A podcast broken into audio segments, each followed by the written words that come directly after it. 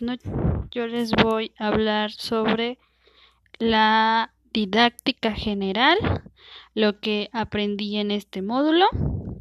Y bueno, más que nada, la didáctica general es una rama importante de la pedagogía, pero también su objeto de estudio puede ser el proceso sobre aprendizaje y enseñanza.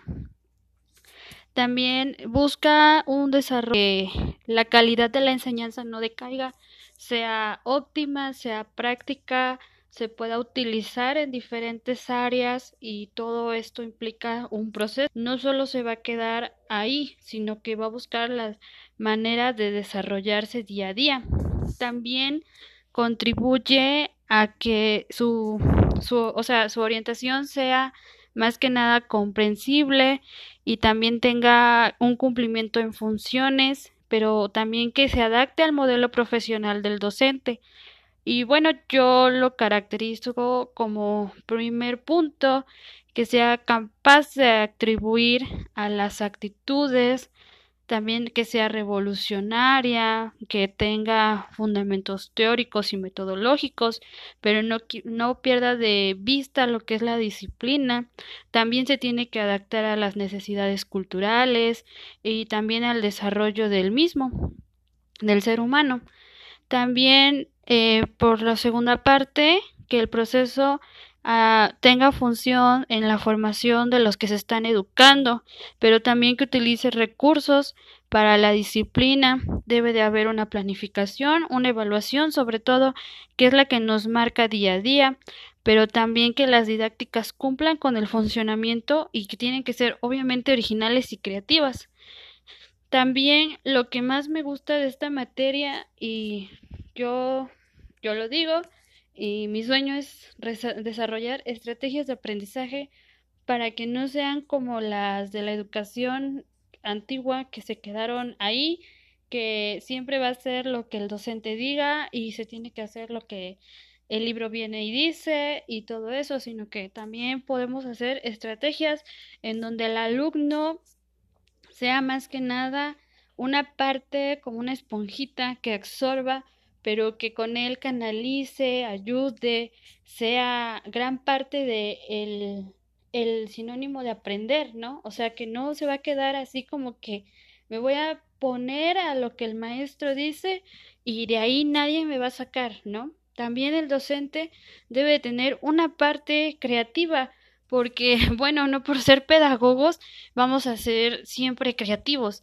Algunos de los que le falta es la creatividad y eso es una parte igual como docente debemos de aprender a manejar, debemos de desarrollar habilidades, pero no nada más creativas, sino también de lectura, porque a veces nosotros leemos y no comprendemos lo que le decimos al alumno o si de verdad lo está entendiendo. También tenemos que tener una parte humana, ¿no? Porque a veces olvidamos mucho de esa parte en la que el docente se envuelve en su papel de que él es una máxima autoridad y no tiene relación con el alumno. Obviamente que no vamos a tomar en cuenta de que el alumno se va a poner a echar cotorreo con nosotros y va a decir, oye maestro, este, nos vemos al rato, cosas así, ¿no? Sino que también debemos de ser humanos, comprender qué es lo que pasa con el alumno, ponernos también en su lugar, sino también que debe de haber un poco así como conexión, pero también debe de ser profesional.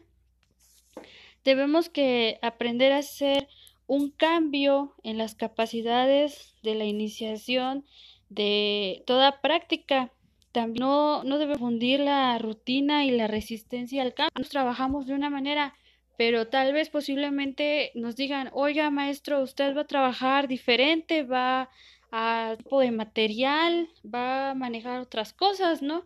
O a lo mejor, como nos decía usted en la primera clase, vamos a tener que ir a un lugar, una zona rural, y tal vez vamos a ver, ¿no? Sobre eh, hojas, cómo es su evolución para que crezcan, este, se vean bonitas y luego mueran, ¿no? Y no vamos a tener un, un video o un libro o algo así, ¿no? Sino que tenemos que estar en nuestra imaginación de, oye, vamos a buscar cómo enseñarle o demostrarle a los chicos cómo es eh, los cambios de una hoja, qué es lo que hace, qué es lo que no hace.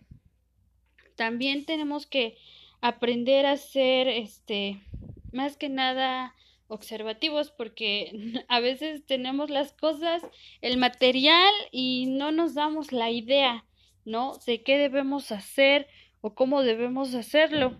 Por eso nos hablaba desde un principio que tenemos que optimizar la calidad de educación. Esa es una parte importante. A mí la verdad, eh, la materia me gustó mucho porque, como le mencionaba, mi sueño es hacer y desarrollar estrategias de aprendizaje, ¿no? Que la escuela mexicana no se quede con el mismo modelo de educación que tenemos. Obviamente que ahorita por las situaciones difíciles, los chicos son los que se han modernado, incluso este hay algunos maestros que han tomado cursos para presentar su clase y no lo que nunca pensamos que haríamos lo estamos haciendo, lo estamos desarrollando, pero también gran parte a eso le vamos a llamar un poco de evolución, ¿no? La educación está teniendo una evolución demasiado grande en la cual ya no es de que yo me voy a poner enfrente de un pizarrón y voy a poner a escribir y oigan chicos copen todo lo que yo estoy escribiendo, ¿no? Sino que ahora el maestro se las tiene que ingeniar para que su clase sea entendible, sea productiva, se quede con los chicos, porque algunas veces le preguntamos, oigan chicos, si leyeron esta parte y entendieron, y el chico, pues con tal de pasar la materia, nos va a decir que sí, pero en realidad no sabe nada. Entonces, esa parte también el maestro tiene que desarrollar, que tiene que tener en consideración que algunos chicos tienen las posibilidades, pero otros no. Entonces tenemos que buscar la estrategia, hacer llegar la, la materia, la tarea, todo para que el chico pueda iniciar, pueda seguir ¿no? Como lo mencionaba, a lo mejor es un poco repetitivo decir que el mismo maestro está desarrollando estrategias en las, en las cuales su, su clase sea entendible, no solo para el niño, sino que también para el papá, ¿no? Porque a veces el niño no te va a entender ni jota de lo que estás hablando, pero el papá te tiene que entender y tiene que ponerlo en práctica. ¿Por qué? Porque tiene que hacer tarea.